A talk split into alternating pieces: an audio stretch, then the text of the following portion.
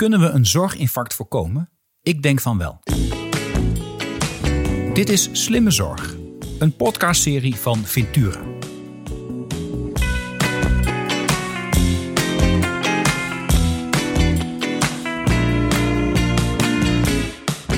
Mijn naam is Arno Rutte. Mijn gast van vandaag is Guido van Woerkom. Guido is voorzitter van de KNGF, het Koninklijk Nederlands Genootschap voor Fysiotherapie.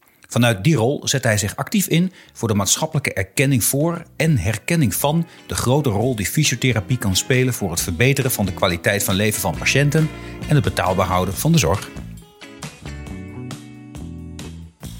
Welkom eh, Guido bij de Slimme Zorg podcast. Geweldig dat je er bent.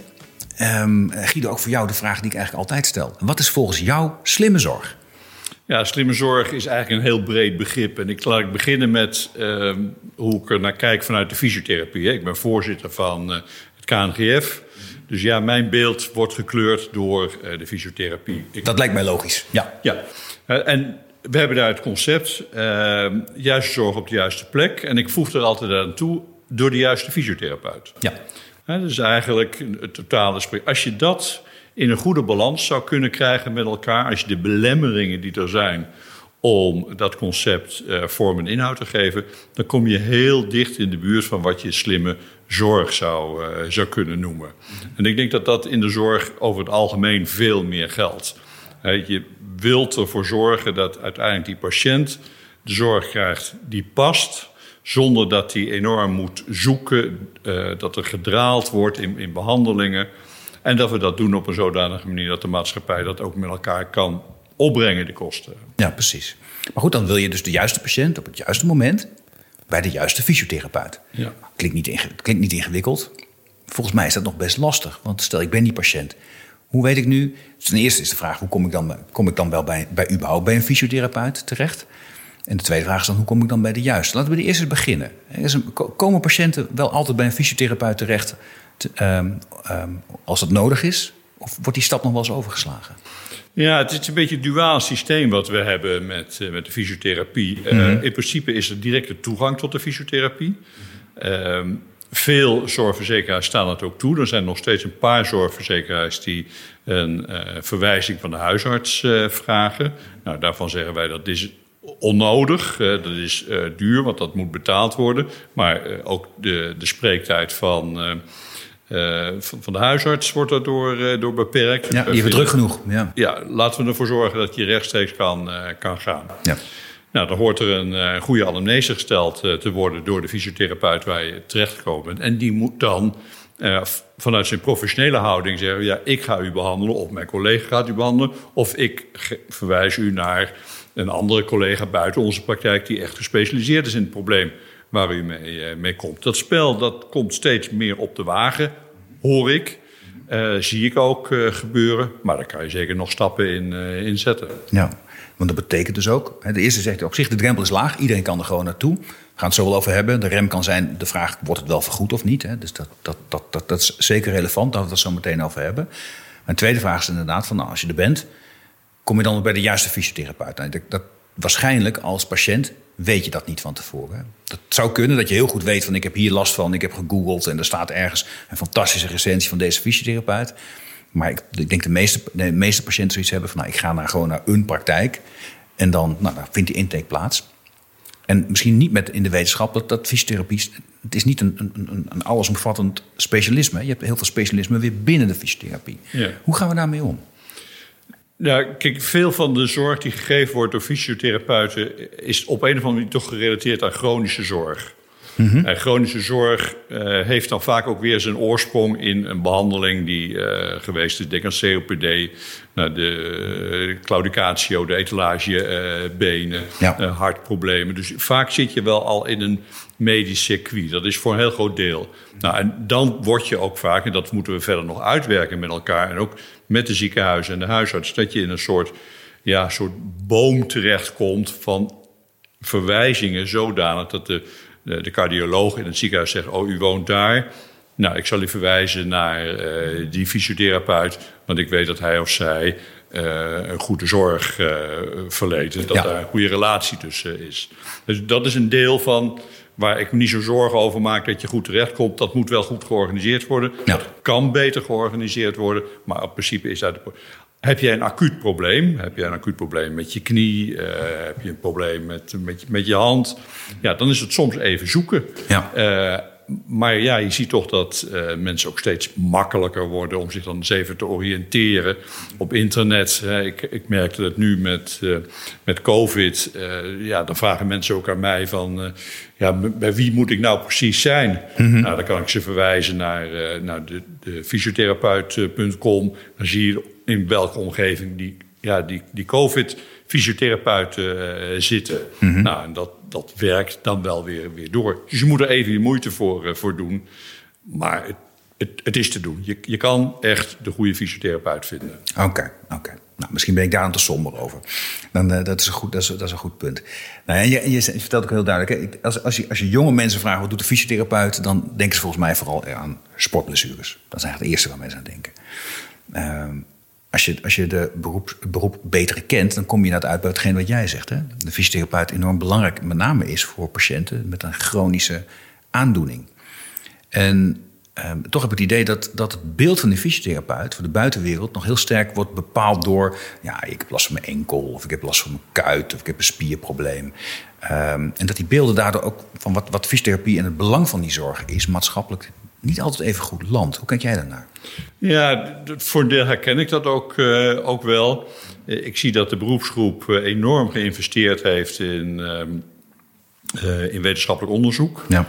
Er zijn hoogleraren op het gebied van, van fysiotherapie. Eigenlijk alle universiteiten, zeker met medische ehm, eh, centra daarbij. Ja, die hebben iets op het gebied van, van fysiotherapie. Hoogleraren, lectoren. Eh, dus de- dat, die ontwikkeling zie je, zie je gaan. Je ziet ook eh, de masterontwikkeling heel nadrukkelijk eh, komen. Dus waar de, de bachelors... ehm, nou, als, als bachelor mag je fysiotherapeut zijn. Nou, dat is een groeiende groep die zegt... ik wil nog door, ik wil door, ik wil me specialiseren... Op het, zodat ik ook een master ben. Ik ben geen voorstander van dat dat voor iedereen moet gelden. Ik denk dat dat absoluut niet nodig is. Maar voor de aansluiting tussen de medische wereld, de artsen, de ziekenhuizen en de fysiotherapie is het heel goed dat er ook eh, eh, fysiotherapeuten op, op masterniveau eh, zijn. Dus die stap zie je maken.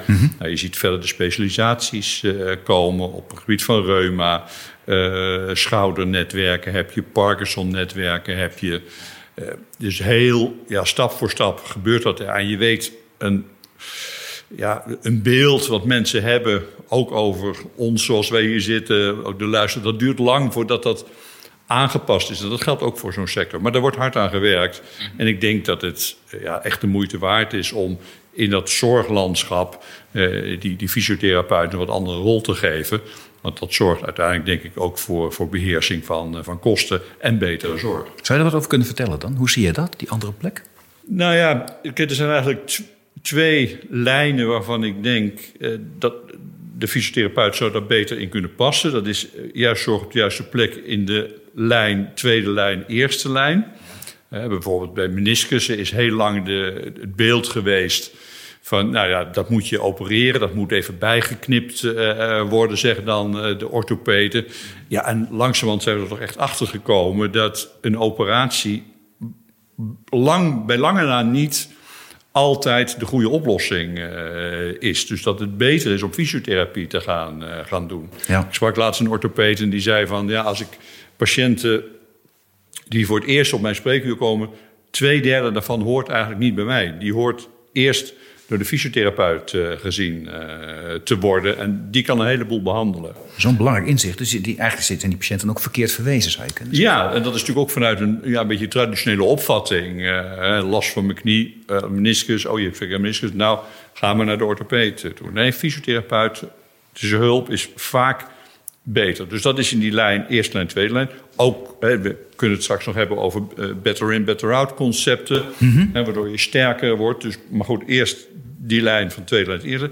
En dan ook in de eerste lijn zelf. Hè. We zien met elkaar eh, dat ja, de huisartsenzorg ook onder druk komt eh, te staan. Dat begint natuurlijk in de, in, in de wat minder bevolkte gebieden. Eh, maar dat zal ook naar de steden gaan komen. Dan is de traditionele reflex van ja, meer huisartsen.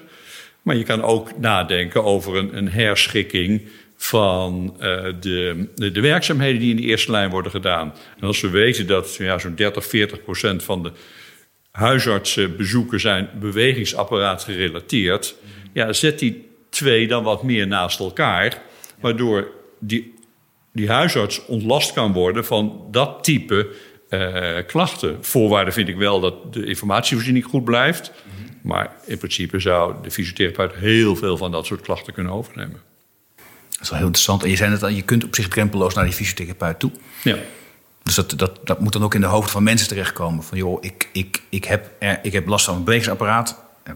Niemand denkt aan, ik heb last van mijn bewegingsapparaat, maar zelf, ik heb last van mijn enkel, hè, noem eens wat. Uh, dat, knie. Ja. pijn, hè, het begint vaak met pijn. Dus met die pijnklacht kun je, zou je zeggen, nou kun je net zo goed meteen naar de fysiotherapeut. Die kan heel goed bekijken wat het is. Um, en daar misschien ook al meteen mee aan de slag. En daarmee ontlast je de huisarts. Interessant. Nou, dat begint natuurlijk ook bij een, um, een doktersassistente. Mm Veel afspraken worden toch via de doktersassistenten gemaakt. Ja. Sommige uh, nu ook uh, via, via internet. Via, maar goed, als je die aan, iemand aan de telefoon hebt, wat heeft u? Nou, ik heb last van, uh, van een pijnlijke knie al zes weken.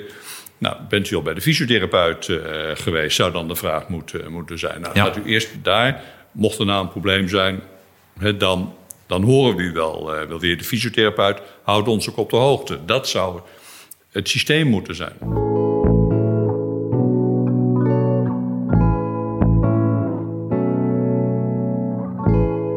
Laten we eerst eens naar die, naar, teruggaan naar die, naar, die, naar die orthopeed. Met die knie en die meniscus. En, er zijn, en laat duidelijk zijn, er zijn absoluut ook gevallen waarin die meniscus geopereerd moet worden. Die zijn er, hè? Zeker. Um, en maar twee derde misschien ook wel niet. En ik heb ook al begrepen dat er fysiotherapiepraktijken zijn... waar ook die zo intensief samenwerken met orthopeden... dat zij inderdaad zeggen, bij een knieklacht... en huisartsen weten het ook, wordt eerst naar die fysiotherapeut verwezen. Die kan zelfs uh, foto's beoordelen deels. En op basis daarvan zeggen van joh, deze moet echt direct naar de orthopeed. Gaan we, en deze kan, kan ik zelf onder mijn hoede nemen. Dat zijn hele, hele spannende en mooie ontwikkelingen. Misschien wel de ontwikkeling waar we überhaupt naartoe moeten. Maar zit je, zit, zit je dan met je, met je financiering altijd goed? Want dat is, dat is wel lastig. Want die orthopeed die wordt sowieso betaald. Hè, staat in de basisverzekering, is tweede lijn zorg. Ik weet dat steeds vaker ook fysiotherapeutische zorg wel in de basisverzekering zit. Je noemt net zelf die etalagebenen, er zijn er wel meer. Ja. Maar volgens mij het voorbeeld dat ik hier geef, niet toch? Nee. Dat is lastig. Ja, nou die financiering is ook een uh, belemmering om dat concept juiste zorg op de juiste plek uh, echt inhoud uh, te geven. Ja. je komt toch, als je dan bij die huisarts zit en die huisarts zit met de patiënt in zijn spreekkamer en uh, die vraag, hoe bent u verzekerd? Ja, uh, ik heb geen aanvullende verzekering voor fysiotherapie. Ja, dan gaat het zeker bij mensen die het wat minder breed hebben... toch vaak van, nou, verwijst u me dan maar door naar, uh, naar het ziekenhuis. Ja. En dan ga ik maar naar de orthopeed toe. Ja. Ja, dat is eigenlijk een verkeerde afweging. Ja. Ja, en de vraag is ook of dan de kosten lager zijn. Hè? Nou ja, kijk, degene die hun...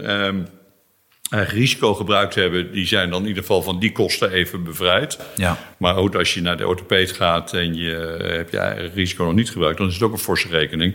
Maar dan denkt men van ja, dan, dan word ik wellicht licht geopereerd. En dan uh, heb ik die kosten niet. Uh. Nee, als je maar eens naar de maatschappelijke kosten kijkt, dan is waarschijnlijk die verwijzing naar de orthopeed, zeker als die niet noodzakelijk was, is die, die, die betalen we met elkaar. Je belast zeer schaarse zorgcapaciteit. Ja, en, die puzzel, hè, die, die puzzel krijgt, krijgt ook. Ik ben zelf politicus geweest. En die puzzel krijgt Den Haag moeilijk gelegd. Hè? Ja. Er zijn partijen die zeggen: nou, je moet integraal de hele fysiotherapeut, net als de huisarts, in de basisverzekering stoppen. En ik weet één ding zeker: jouw leden zeggen morgen daar ja tegen. Hè? Daar zijn ze blij mee. En dat, dat, dat, die afweging wordt waarschijnlijk niet gemaakt. Maar er zit een hele brede, brede range aan oplossingen nog tussen.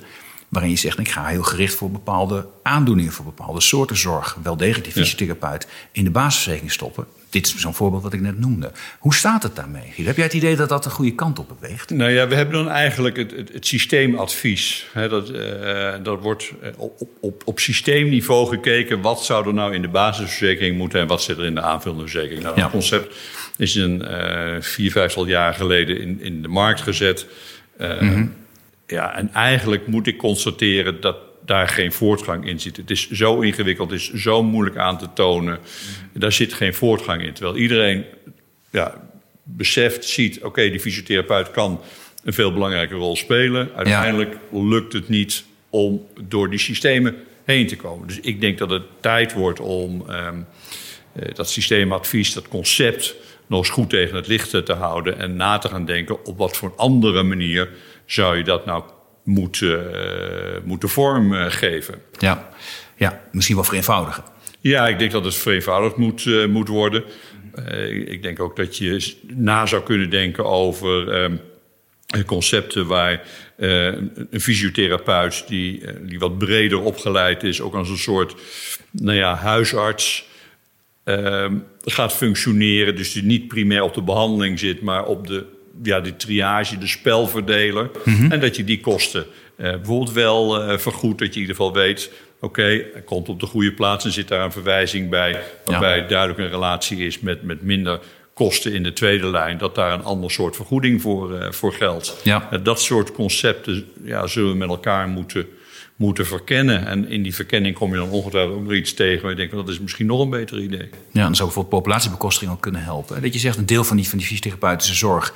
mits aan bepaalde standaarden voldoet... die, is, die zit in een soort beschikbaarheidsvergoeding. Ja.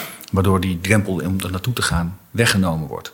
Ja, dat soort concepten, daar, daar, daar, moet je aan, aan, denken. En ik vermoed dat het uiteindelijk een, een soort mix uh, wordt van, van verschillende uh, gedachten. Mm -hmm. Waarbij we het ook niet ingewikkeld moeten maken. Je moet ook weer niet met een calculator of met een soort stroomschema in je, in je app uh, gaan zitten kijken van nou, waar kan ik nou precies zijn en waar moet ik zijn. Nee, nee maar, het, maar het beweegt inderdaad. Er is ook wel heb ik in ieder geval zelf, zelf gemerkt. Er is absoluut wel een besef, ook politiek, dat in een sterk vergrijzend land het, het, het, het be, be, bewegingsbeperking, dat dat een van de allergrootste uh, bedreigingen is voor, uh, voor de zorgkosten, voor, voor de druk op de zorg, maar ook voor de kwaliteit van leven van mensen. Dat wordt ja. heel vaak vergeten en er worden al aan hele, hele uh, zware ziektebeelden gedacht, maar het feit dat je last krijgt van artrose, van reumatoïde artritis, het feit dat je, dat je überhaupt stijver wordt, nou ja, andere chronische ziektebeelden, hartfalen, COPD zijn allemaal ziektebeelden die vooral met, nou, die je beste kunt bestrijden door in beweging te blijven. Ja, door te blijven functioneren in de samenleving. Want dat ja. zorgt er uiteindelijk voor dat je uh, minder zorg nodig hebt, minder intensieve mm -hmm. zorg nodig, dat je minder snel opgenomen wordt, dat je langer thuis kan blijven, dat je in een betere conditie thuis kan, uh, kan blijven, dat je de mantelzorgen minder, uh, minder belast. Ja. ja, dat heeft enorm veel voordelen. Ja. Ja, en dat wordt steeds belangrijker in een sterk vergrijzende maatschappij. Ja. En dus, dus, dus neemt het belang van die fysiotherapie in de, in de weging van, van de hele zorg, neemt daar een enorm toe. Ik, ik denk dat dat wel de, langzaam maar zeker de goede kant op beweegt. Maar hoe kijk jij daarna? Want je staat aan, aan jouw kant natuurlijk heel sterk al van buiten naar die, naar die Haagse bubbel te kijken van schiet het een beetje op. Wat zie je gebeuren? Ja, er zijn natuurlijk verschillende waarnemingen die je kan, kan doen. Hè. Er is mm -hmm. dat, dat besef, ja, hebben we dat die aanvullende verzekering, die basisverzekering, nou goed met elkaar georganiseerd. Uh, hebben we ook de samenwerkingsverbanden in de regio's uh, voldoende georganiseerd? Uh, welke belangen spelen er bij het instand houden van een, van een aanvullende verzekering? voor de zorgverzekeraars is dit ja, toch een beetje het uithangbord als er weer reclame gemaakt moet worden aan het einde van het, van het jaar. Dus ja, die zitten er ook een beetje gemengd in, uh, in die discussie.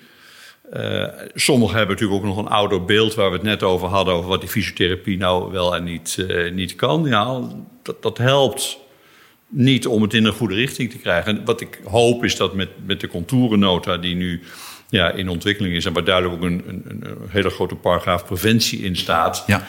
Um, en uh, fysiotherapie is meer dan preventie, maar het is wel een heel belangrijk onderdeel van, uh, van de behandeling. Uh, ja, dat fysiotherapie op die golf uh, zijn plek in het zorgstelsel gaat, gaat krijgen. Ja. Dat is, dat is zeker een interessante gedachte. En het is niet een prevent, preventie in de zin dat mensen niet meer ziek worden, hè, maar wel een preventie op escalatie van een ziektebeeld en, ja. en, en voorkomen van andere kosten. Nou, dat zou zomaar kunnen. Nou, dat, dat claudicatio, dat is toch wel een goed voorbeeld. Mm -hmm. Ik sprak er met Joep Teining over, um, uh, vaatchirurg. En die zei van nou, de manier waarop wij dat nu in Nederland aangepakt hebben, zorgt ervoor dat. Uh, hij noemde, geloof ik, een percentage van 82, 83 procent komt uiteindelijk niet op de snijtafel. Mm -hmm. In Duitsland, waar ze deze methode helemaal niet, uh, niet hebben, uh, word je heel snel geopereerd. En 80% daarvan wordt voor een tweede keer nog geopereerd. Dus als je dat Dus het escaleert ook nog eens een keer daar. Precies. Doe maar. Ja. ja, dat is inderdaad wel een succesvoorbeeld. Maar die kwam wel uit zo'n systeemadvies, hè? die etalagebenen. Ja, die, en die- dat, dat, dat zie je ook. Dat, en ja, zo- zo'n man als Joep die heeft daar enorm veel bev- bevlogenheid aan gewerkt. Daar hebben wij als fysiotherapeuten ook, ook belang bij. Dat ja, dit soort mensen de kar mede voor ons trekken. Want die hebben toch uiteindelijk, heb ik gemerkt... Ja, in die overtuigingskracht richting de politiek... heel veel te zeggen. Kijk nu ook naar Gommers en naar, naar Kuipers. Ja. Dat, dat zijn toch mensen die, eh, die echt kunnen praten, kunnen overtuigen. Ja, die hebben we eh, nodig. Die staan hoog in de, ja, de, de piramide van, eh, van gezag. ja, En, en zo werkt het voor een deel ook. Oké, ja, ja, en dat is interessant. Hè? Dat, want dat, die, die, die, die, etalagebenen, dat kan ik nog herinneren, dat die in het pakket kwamen. Dus als je voor etalagebenen behandeld moet worden, is nu het verhaal. Dan ga je, daarvoor ga je primair naar de fysiotherapeut. Ja. Dus kom, word je wel per verwezen naar de vaatchirurg, dan zal die vaatchirurg je ook eerst terugverwijzen naar de fysiotherapeut. En de kans dat je daarmee geholpen bent, is groot. Heel goed. Ja, en de, want de behandeling die je anders moet ondergaan is ook heel onprettig, geloof ik. Hè? Dat, eh, is allemaal eh, Ja, en dat is geen feestje. Het, het, het aardige is dat de therapie niet alleen goed is voor de etalagebenen... maar het is voor je welbevinden is het goed. Je knapt er sowieso van op. Ja. Ik heb er sowieso van op. Je, je wordt uit een patroon gehaald wat je vroeger ja, als, als normaal vond. En het nieuwe patroon helpt je uiteindelijk om beter te functioneren. Ja, nou, dat is, dat is, dat is helemaal goed inderdaad. eh, ja. Maar in ieder geval, daar is dat dus gelukt. En je zegt, nou, dat komt ook omdat er gewoon een, iemand, een drijvende kracht vanuit eh, uit de, de, eh, de tweede lijn, hè, gewoon een arts. Ehm, want het is een ander heel lang voortslepend dossier. ehm, waarin maar niet lukt om, om, om het bewijsrol te krijgen dat fysiotherapie de, ehm, vergoed zou moeten worden. Voor mij is dat reuma. Dat, Ja. of, of dat, dat, dat speel reuma, ziekte van Bechteren, voor mij een beetje hetzelfde. Daar zeggen patiëntenorganisaties sinds jaar en dag... Die, die, die, fysiotherapeutische behandeling die is erg cruciaal... om te zorgen dat ziektebeelden niet versle- verslechteren... dat patiënten mee kunnen blijven doen. Tegen voor pijnbestrijding. Echt, dat is, dat is on, onweersproken. Vanuit het ministerie wordt gezegd... dat vinden wij heel interessant, maar we moeten het wel kunnen bewijzen. Want anders gaan we dat niet vergoeden. En dat lukt maar niet. Wat, Ja. wat is daar toch aan de hand? Als aan de ene kant zo duidelijk wordt gezegd dit is echt heel veel beter. Er ook wel welwillendheid is. Dus het is niet zo, er ligt geen niet vanuit het ministerie van dit allemaal nooit niet, dit doen we niet. Nee, bewijs het en dan gaan we ervoor. En het komt niet rond. Ja, nou ja, ik, ik vind dat een wat moeilijke discussie om te bewijzen dat bewegen helpt. Kijk, ik, volgens mij zijn er zoveel onderzoeken, eh, maar ook zoveel praktijkervaringen, dat bewegen altijd helpt, dat we die discussie eigenlijk niet meer met elkaar zouden moeten voeren. Oké, maar dan denk je veel simpel. Nou, oké, bewegen helpt, daar zijn we het dan over eens. Eh, iedereen kan, zit, heeft, heeft eh, bijna iedereen, hè, die is in staat om te bewegen. Gewoon gaan doen. Voor een deel kan dat. Kijk, bijvoorbeeld een zware COPD-patiënt kan niet zomaar alle dingen. Nee, die moet doen. begeleid be- bewegen. Ja. begeleid. Ja, dus ja, zet daar een programma op waardoor die bewust langzamerhand in een, in een betere conditie wordt, eh, wordt gebracht. Dat deels is dat met de fysiotherapie, deels is dat met oefeningen thuis. Ja, ja, ja, dat Hè, dat is de combinatie Ja. eh, altijd. En dat geldt ook bij reuma. Alleen het probleem met, met, met veel van die ziektes is dat ze ook ehm, nou ja, een progressief karakter hebben. Nou, dan is het heel lastig om precies te bewijzen dat ja, de progressiviteit gemiddeld is nou ja, 10% verslechtering per jaar. Ja. Dat je met fysiotherapie dat naar 5% kan krijgen. Ja, hoe statistisch significant is dat nou eigenlijk allemaal? Ja, en die patiënten ook nog, en dat volgens mij is dat bij reuma ook nog een keer lastig. Kijk, COPD-patiënten, die, die, daar, daar zijn geen geneesmiddelen voor, eigenlijk niks. Hè? Dus, dus bewegen is, over, is ook aan te tonen. Als iemand meer beweegt, dan gaat, neemt de progressie af, et cetera. Maar bij reuma heeft natuurlijk wel een revolutie ook aan de, aan de geneeskundige kant plaatsgevonden. Dus mensen worden minder snel slecht. Dus die progressie wordt deels door medicijnen geremd. Maar ook wel deels. door die- Is dat, is dat dan ook... Het Ja, is moeilijk te zien dan, hè? Ja, je, jongens, Ja. je kan de, de, de, de, de interventie moeilijk isoleren. Ja. Ik, het deed me denken natuurlijk aan de discussie over, de, over die avondklok. Ja, wat helpt nou precies die avondklok? Eh, ja, het past in het totale stelsel van maatregelen die we, die we treffen. En niemand kan precies zeggen, zoveel procent. Maar we doen het toch.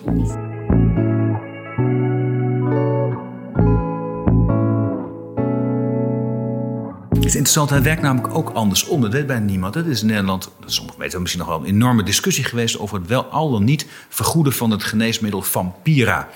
Een middel tegen, tegen multi, de multiple sclerose. Het was wel bekend, het werkt niet bij elke patiënt, maar er zijn patiënten die zeiden: ik kan daardoor weer lopen. Echt helemaal fantastisch.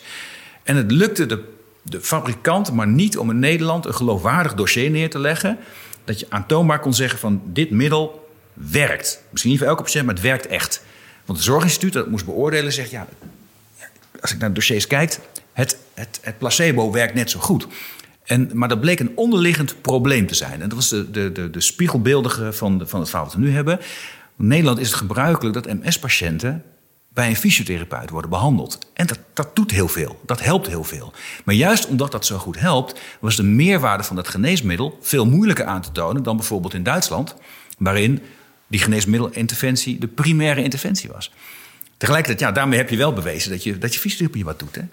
Dat is, ja, dus die puzzel met elkaar die werkt twee kanten op. En, jij, en ik hoor jou zeggen, maak dat nou eenvoudiger. Of probeer dat ook niet altijd tot de laatste wetenschappelijke punt achter de komma te bewijzen. Ja, en nogmaals, eh, wat ik net zei, bewegen helpt altijd. En je moet mensen ook helpen om dat te kunnen doen.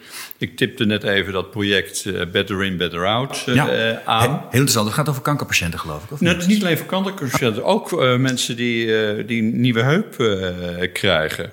De, de gedachte achter dat concept is, als je fysiek gezonder een operatie ingaat... Um, is je lichtduur uiteindelijk in het ziekenhuis minder, maar ook je herstel daarna is sneller en duurzamer. Ja. Ik was laatst bij een promotieonderzoek. Uh, nou, niet betrokken, dat, dat, is te veel gezegd, maar ik weet ervan. En er werd een voorbeeld aangehaald van een vrouw van 72 die een nieuwe heup eh, kreeg, waar de prognose was, die blijft vijf dagen in het ziekenhuis. Die hebben ze door dat Better In, Better Out traject gehad. Kon na twee dagen naar, uh, naar huis. Ja, scheelt drie lichtdagen. Dat drie lichtdagen. Ja. En kon daarna dat zei ze zelf ook, ik kan veel beter functioneren. Ik kan mijn bedoelingje in mijn huis weer, uh, weer doen. En het probleem is natuurlijk dat we maatschappelijk aan dat ja, mijn bedoelingje beter organiseren geen geld hangen. Het is dat de allerbelangrijkste uitkomst is hè, van de behandeling. Waarom, waarom behandel je mensen? Om uiteindelijk beter te kunnen functioneren in je dagelijks leven. Ja, kwaliteit van leven. Ja. Dus dit is dat better in, better out. Dat is dat, dat... Maar het probleem is dus dat je uh, je moet patiënten hebben die een aanvullende verzekering hebben. Ja. Dan moet het ook een aanvullende verzekering zijn die uh, nou ja, meer dan bijvoorbeeld negen, zes of negen behandelingen kent. Ja, dat zijn intensieve trajecten dit. Ja, je moet even flink ja, toch op conditie gezet uh, worden. Ja. Dus dan heb je er, nou ja, vier, vijf van tevoren heb je er zeker nodig. Ja, je hebt er wel na een heupoperatie misschien wel tien daarna nodig. Ja. Dan zeg je, ja, nou, ik hou mijn, uh, mijn behandelingen wel eventjes op als ik geopereerd ben. Hè. Dat is de de reflex die, eh, die mensen hebben. Ja, ja het, is, het is echt ongemakkelijk van de fysiotherapeut. Hè. Het is de, naast, de tandarts kent dat ook een beetje, maar het is een beetje een, een, een zorg die, als hij niet in de baaszekerheid zit, heel erg consumentistisch. Ik weet niet of dit goed Nederlands is, eh, Guido, maar in ieder geval uh, wordt, wordt gefinancierd. Hè? Zoveel sessies van zoveel minuten kun je krijgen. Ja, nou ja, er is ook een uh, zorgverzekeraar die aan het einde van het jaar altijd uh, adverteert met. Uh, kun je ze meenemen? Neem je. ja, dat is consumentistisch gedrag. Ja. Dat, dat, zou, dat zouden we nou niet moeten willen stimuleren. Nee, dat klopt. Mijn, ik heb mijn eigen, mijn fysiotherapeut, ik moet zeggen, maar ik heb ooit een hele nare hamstringblessure gehad. En nee, dat was, dat was dat was een andere fysiotherapeut. Maar ik heb een heel nare knieblessure gehad. Ik hockey, sporten is gezond, maar ja, je kunt er wel eens wat hebben. Hele nare knieblessure. En, uh, en de fysiotherapeut die me daarvoor hielp... Uh, ik was, dat was ik een heel luxe handen. Dat was ook echt een topsportfysiotherapeut. Dat was toeval, maar goed, dat was wel zo. Die, uh, die vertelde hele, hele bijzondere anekdotes hierover. Over een, een patiënt die bij hem kwam in ehm, november en zei dat hij nog recht had op zes behandelingen.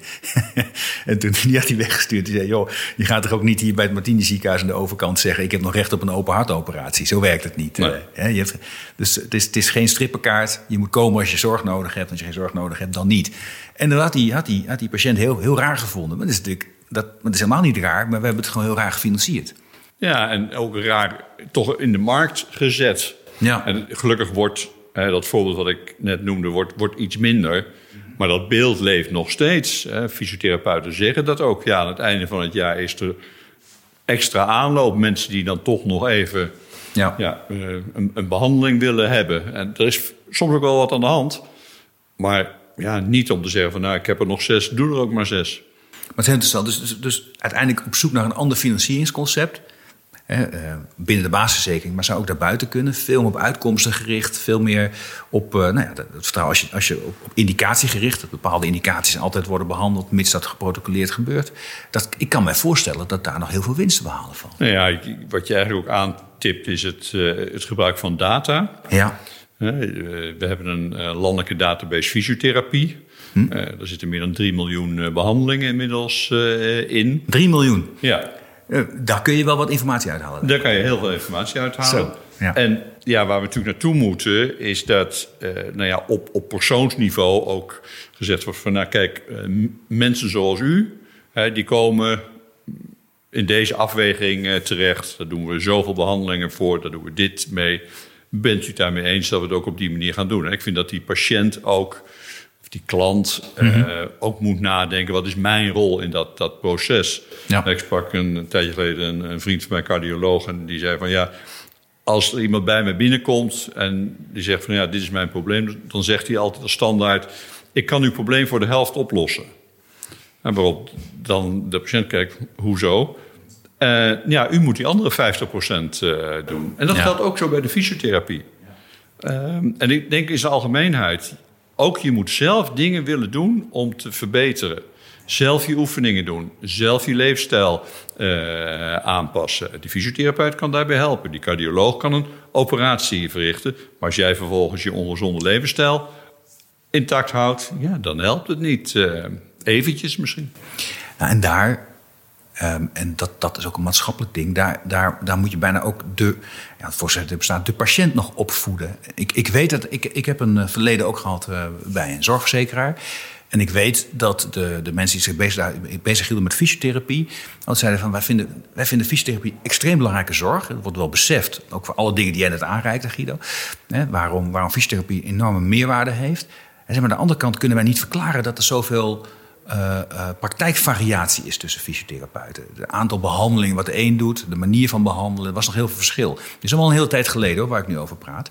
Um, is dat nog steeds zo? Want er werd ook aangegeven, er heel veel culturele verschillen in. Er zijn bepaalde regio's in Nederland waarin mensen verwachten dat de fysiotherapeut iemand is die jou nog even lekker masseert. Dat is heel klassiek, dat beeld bestaat nog. Er zitten met andere regio's dat al veel meer zover was dat, dat mensen zagen van nee, de fysiotherapie is, is, is ook heel erg deels een behandelend, maar ook heel sterk een coachend beroep, hè, waarin je het zelf moet doen. Hoe is die ontwikkeling op dit moment? Nou ja, eh, je schetst het goed, hè, van, van de masseur naar, uh, naar de coach. Mm -hmm. um, het, er is een stroming die zegt ook, je, je behandelt met je handen op je rug. Nou, dat is uiteindelijk wat je niet wil, wil hebben. Niet alleen maar. Nee, nee. niet alleen maar. Nee.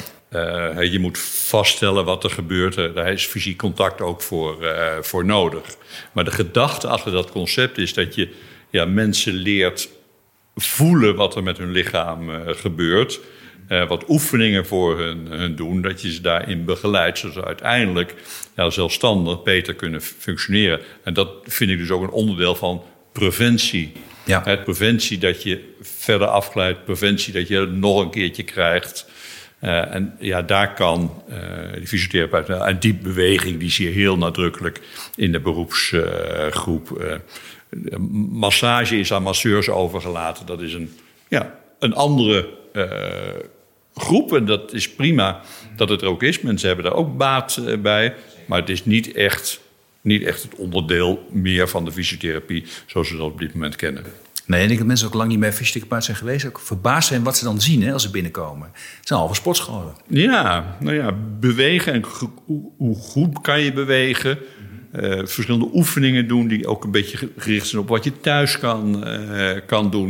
Want uiteindelijk gaat het toch om, om spieren. Met, ja, met je handen aan spieren zitten maakt de spier niet sterker. Dat moet je zelf doen. En Ja. daar heb je zo'n, ja, vaak zo'n zo sport achtige omgeving voor, uh, voor nodig om daarop te trainen. Ja, of inderdaad ook de situatie thuis. Ik heb, ik heb een moeder die heeft ernstig COPD helaas. En die inderdaad een intensief programma bij een fysiotherapeut. En als hij een terugval heeft gehad, dan komt de fysiotherapeut zelfs thuis. En ik weet van mijn moeder, die, die, die, die, die kan leven, lezen en schrijven met deze fysiotherapeut. Maar die, dat is, ja, vind ik altijd zo leuk. Die, die man die, die geeft mij allemaal oefeningen die eigenlijk gewoon bestaan uit mijn dagelijkse handelingen. Maar, als je dat even zus doet en even zo doet, en daar is er enorm veel baat bij. Ja. En uh, knap ze weer van op. En vervolgens kan ze weer de, de maatschappij in. Nou ja, we hebben natuurlijk ook gezien uh, toen de, uh, de praktijken dicht waren in maart, april, mei van, ja. van 2020 vanwege de COVID.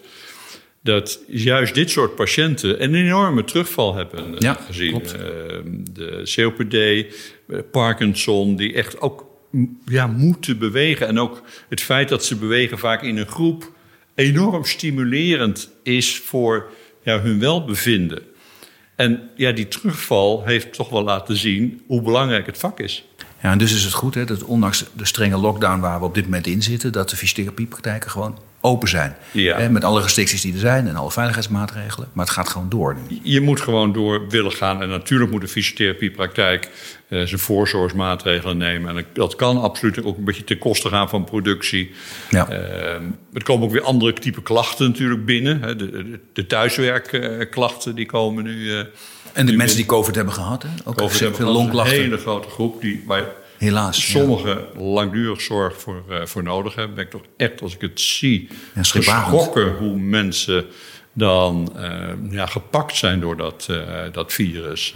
Die, die ellende die mensen hebben ervaren door een COVID-besmetting en het feit dat ze ja, daardoor zo moeilijk in beweging kunnen komen, dat is eigenlijk een traject dat ja, bij uitstek bij een fysiotherapeut ligt. Daar hebben we geen geneesmiddelen voor. We kunnen mensen niet voor opereren.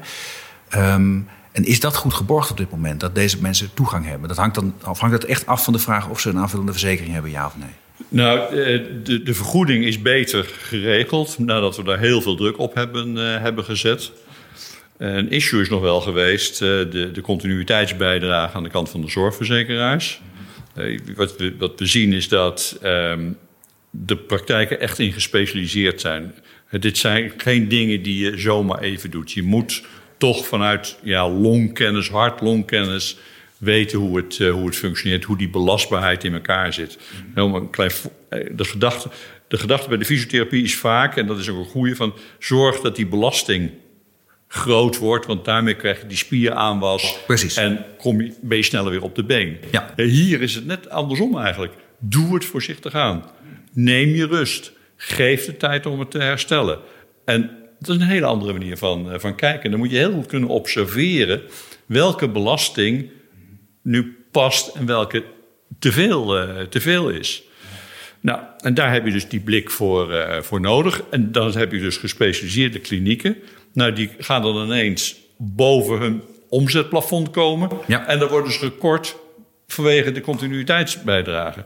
Ja, dan zeggen we van ja, dat kan ook weer niet de bedoeling uh, zijn. Dan moet je weer moeilijke discussies hebben. Dus, ja. ja.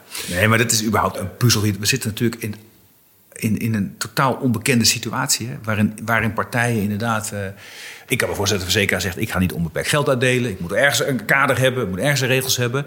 Alleen ja, de, de situatie is zo grillig en anders dan anders. dat je er met je standaard kaders ook helemaal niet komt.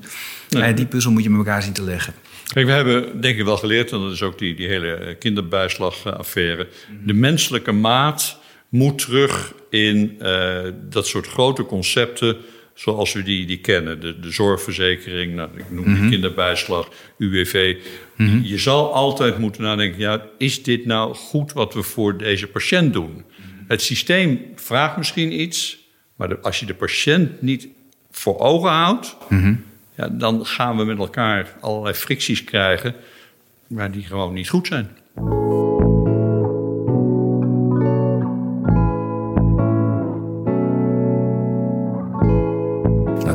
Aan, want dat is misschien wel de grootste uitdaging in de zorg. Zeker nu patiënten ook ouder worden en daarmee per definitie complexer. Patiënten, steeds meer mensen met een stapeling van klachten, chronisch ziek. Ja, weet je, als je dat heel erg aandoeningsgewijs probeert te benaderen, kom je er niet uit. Want als iemand al twee chronische aandoeningen heeft. En, en ook nog misschien een niet al te progressieve vorm van kanker. En ook nog last van de heup. Ja, waar, ja, dan kun je allemaal individueel proberen te gaan behandelen. Ja, dan krijg je een wereld dat je, dat je patiënten een enorm circus door de zorg heen stuurt. Terwijl ze zelf misschien nog niet zo mobiel zijn, mantelzorg nodig hebben, wat dan ook. Dus de uitdaging is een heel goed kijken naar die patiënt. Wat heb jij nodig? Ja. En dat dan leveren.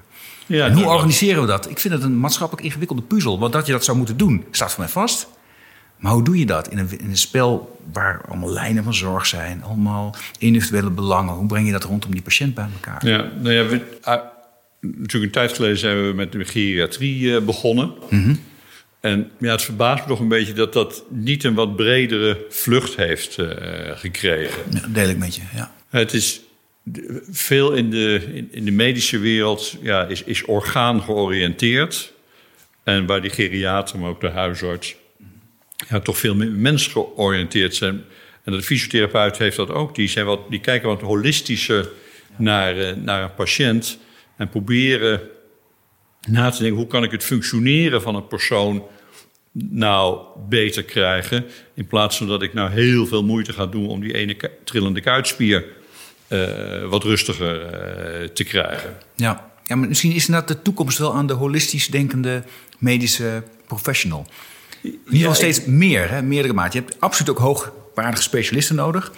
Als ik een unieke vorm van kanker ontwikkel, wil ik ook graag een specialist die mij behandelt, die er alles vanaf weet.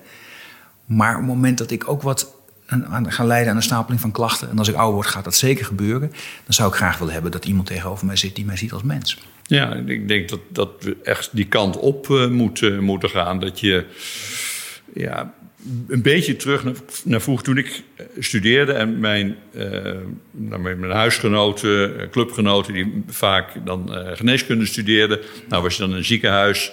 Nou, dan keek je naar uh, wat er dan was, nou, interne geneeskunde. Ja. Nou, daar stonden er misschien twee of drie specialismen onder.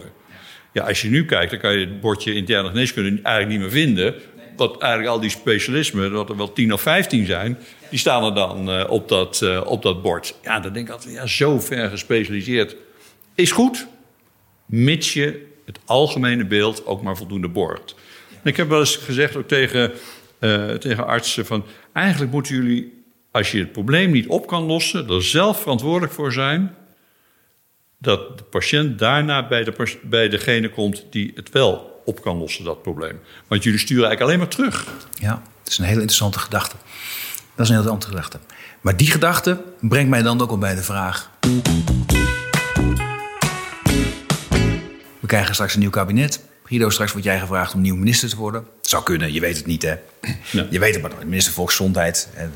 Bij die, bij die, bij die fysiotherapeuten zulke verstandige dingen gezegd. Guido is de man.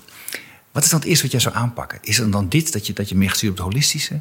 Zijn het zaken rondom financiering van, uh, van, van bepaalde vormen van zorg? Zijn het andere dingen? Ik ben heel benieuwd. Ja, kijk, de vraag is of je minister van Volksgezondheid wil zijn. Uh, wil je niet misschien de minister van uh, Leefstijl zijn? En kijk, als we over preventie praten, dan praten we natuurlijk eigenlijk altijd preventie op het moment dat je in dat zorgdomein terecht bent gekomen. Maar eigenlijk moet de uitdaging zijn om die preventie in te zetten lang voordat zorg in beeld komt.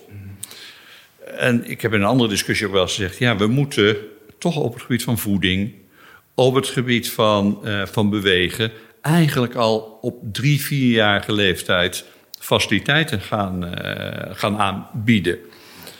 Um, we, we, weten hoe goed bewegen is. We weten hoe belangrijk het is dat, dat kinderen in, in een sportomgeving. Uh... En bewegen is ook leuk, hè? Dat, dat hartstikke... lijkt het haast wel eens te vergeten. Nou, we moeten ook nog bewegen. Nee, man, hartstikke lekker. Ja, maar kijk, ga naar het voetbalveld, ga naar het hockeyveld, ga naar handbal. Ja. Me, jonge mensen zijn enthousiast om dat uh, te doen. Er is natuurlijk een groep uh, waar sociaal het minder makkelijk is, die ja, niet lid kan worden van een sport. Nou, misschien moeten we maar eens over denken dat al die mensen, al die kinderen, die krijgen 100 of 150 euro per jaar om lid te zijn van een sportclub. En ook daar de kleding voor, uh, voor kunnen, kunnen krijgen. Dat is een enorme impuls. Als we naar het onderwijs kijken. Kijk, dan zeggen ze ja, dan moeten wij de voedingsleer er allemaal bij. Nou, misschien kunnen we rekensommetjes maken. waar je op een makkelijke manier calorieën doet. Waardoor je het rekenen leert. maar ook begrijpt, oh, dat heeft ook nog een functie voor wat ik eet. Nou, dat soort integrale manieren van denken. Dan wordt ook niet meer zo belerend, hè? Van je mag dit niet, je mag dat niet. Het werkt allemaal niet. Het geeft gewoon inzicht. Inzicht, hè? Ja. En wat ik ook veel zie, is dat kinderen op het moment dat ze uit de junioren lopen naar de senioren, dat ze afhaken. Ja, gebeurt heel veel. Gebeurt heel veel. Ik merk zelfs bij mijn eigen kinderen op dit moment. Dat ze dat moeilijk vinden om die stap te zetten. Moeilijk vinden om die stap te zetten. Ja. En er zijn verschillende redenen voor. Wat ik wel vaak hoor, is dat ja, dan komen we in een competitie terecht met allemaal oude vrouwen of oude mannen. Nou, ik heb tegen de Hockeybond wel eens gezegd: van, goh, moet je niet een competitie organiseren tussen 18 tot, tot 24, 26? En waar je weet dat je met leeftijdsgenoten nog een tijdje door blijft, uh, blijft spelen. Geen rare gedachte. Helemaal geen rare gedachte. Dat, en dat is wat ik dus als minister van Leefstijl zou willen enthousiasmeren. Om dat soort processen op gang uh, te brengen. En natuurlijk kom je dan ook over financiering uh, te praten, over integratie te denken, over de holistische benadering. Daar ga ik ook zeker ook aan gaan praten. Ja, maar het is, het is wat je zegt is wel interessant. Hè? Want als je nu kijkt naar dat, dat, dat idee dat je, dat, je, dat je kinderen uit gezinnen waar ze het niet, bepaald niet breed hebben, waar vaak inderdaad de, de contributie voor zo'n sportclub te hoog is. Dat kunnen ouders niet dragen. Nou, het kan zijn dat er een gemeente is die daar wat voor geregeld heeft, soms niet. Je hebt nog het jeugdsportfonds. Nou ja, je bent allemaal. En overal moet je met de pet in de hand uh, om, het, om het te regelen. Maar als, als door de bewegingsarmoede van deze kinderen er zorgkosten ontstaan, dan vergoeden we het. Als het misgaat, dan betalen we het. Ja, we maar hebben... we betalen niet om te zorgen dat het niet misgaat. Kijk, we hebben de GLI. Ja, de, uh, leefstijlinterventie. Ja. En op zich vind ik dat een mooi instrument. Hè. Ik geloof dat er al bijna 400 fysiotherapeuten zitten ook al in dat soort uh, concepten. Maar eigenlijk is het aan de slag gaan met mensen die, ten, die ja, in dat systeem van ik moet hulp krijgen uh, terechtgekomen zijn. Je moet eigenlijk ervoor zorgen. Het is, dat, het is op te laat eigenlijk dan. Dat voeding, beweging, dat dat veel eerder op het netvlies uh, komt om te voorkomen dat je ooit de glie nodig hebt. Ja. Ja, en ik denk altijd wat dan het allerbeste werkt, is, het, uh, is als het toch ook een beetje leuk mag zijn. Ja. En uh, ik maak me er altijd zorgen over als, als, uh, als kinderen zeggen: ja, maar gym op school, daar vind ik helemaal niks aan. En dan op een of andere manier is daar een etiket niet leuk. Nou, doe dan, ga zorgen dat je op andere manieren in beweging komt. Maar blijf bewegen. Ja. Alle nou ja, en daar moeten we ook niet, niet te moeilijk over doen. Uh, ik ik, op, toen ik op de lagere school zat, hadden we aan het einde van het jaar hadden we altijd apenspel of apenkooi. Apenkooi is nog steeds zo volgens mij. Ja, nou, in nee? toenemende mate wordt gezegd: nee, dat is gevaarlijk, dan loop je risico's. Ah ja. Ja, nee, nee, ja. Ja, ja, ja inderdaad. Ja. En dan denk ik van, nou ja, ik kan me niet herinneren dat er wat gebeurd is in de tijd. Je me wel eens gevallen. Uh, ja, dat was, deed misschien even pijn. Maar ik vond het altijd het leukste van die gymles. En ik heb nooit geklaagd over gymles, maar ik vond het hartstikke leuk. Ja, er is voldoende mogelijkheid om, om bewegen leuk te laten eh, zijn. Nou, en, en, ja, inderdaad. En dan, dan gaan we nou, bijna tot slot. Want dat geldt dus echt tot, ook op hoge leeftijd. Er is een, al een heel groot probleem onder, onder hele kwetsbare ouderen... is het moment dat iemand valt. Ja. En als je, als je valt en je breekt een heup en je bent er heel kwetsbaar... is dat meestal de opmaat naar de laatste levensfase. Dat, dan, gaat, dan, dan escaleert het heel snel. En er wordt heel vaak dan gedacht, nou, oké, dan moeten we aan valpreventie gaan doen. Dan wordt gedacht aan broekjes en andere dingen. Maar ik heb wel gesproken met, met, een, uh, met een wijze directrice van een, van een verpleeghuis. En die zei, ja, wij laten mensen vooral dingen gewoon nog zelf doen. En, um, en dan zou best kunnen zijn dat daardoor een keer iemand valt, maar waarschijnlijk niet. Want als mensen bezig blijven, blijven hun spieren sterk. En je valt pas op het moment dat, dat je dat niet meer doet. Ja. Nou, en daar, ik, ik, ga geen pleidooi voor de broekjes uh, houden met... Uh, sommige mensen heb je dat nou, soms is het nodig. Ja, goed. Weet, ja. In feite ben je al te laat, dan ben ik het met je eens. Maar het zijn hele simpele oefeningen. Als jij je tanden staat te poetsen en je staat uh, de oneven dag op je linkerbeen... en op de even dag op je rechterbeen doet, moet je kijken wat dat doet voor de spieren. Wat je de gelegenheid ook geeft om te reageren op het moment dat er iets onverwachts gebeurt.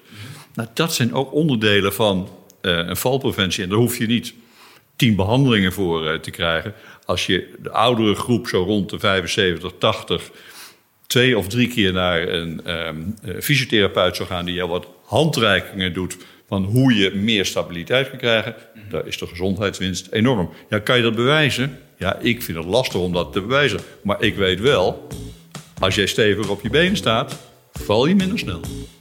Dat lijkt mij een heel mooi um, punt om uh, ook een punt achter dit mooie interview te zetten. Guido, dankjewel. Arno, dank je. Dit was Slimme Zorg, de podcast waarin nagedacht wordt over oplossingen waarmee een zorginfarct voorkomen kan worden. Een podcastserie van Ventura. Abonneer je op deze show via iTunes of Spotify en voel je vrij om een review achter te laten. Ik vind het zelf enorm leuk om te lezen wat jullie van de podcast vinden. Je mag me ook mailen op podcast.ventura.com. Vond je de podcast leuk? Dan heb ik een opdracht voor je. Vertel over de podcast aan een van je vrienden of collega's. Mijn naam is Arno Rutte. Dit was Slimme Zorg. Je hoort mij over twee weken weer in een nieuwe aflevering.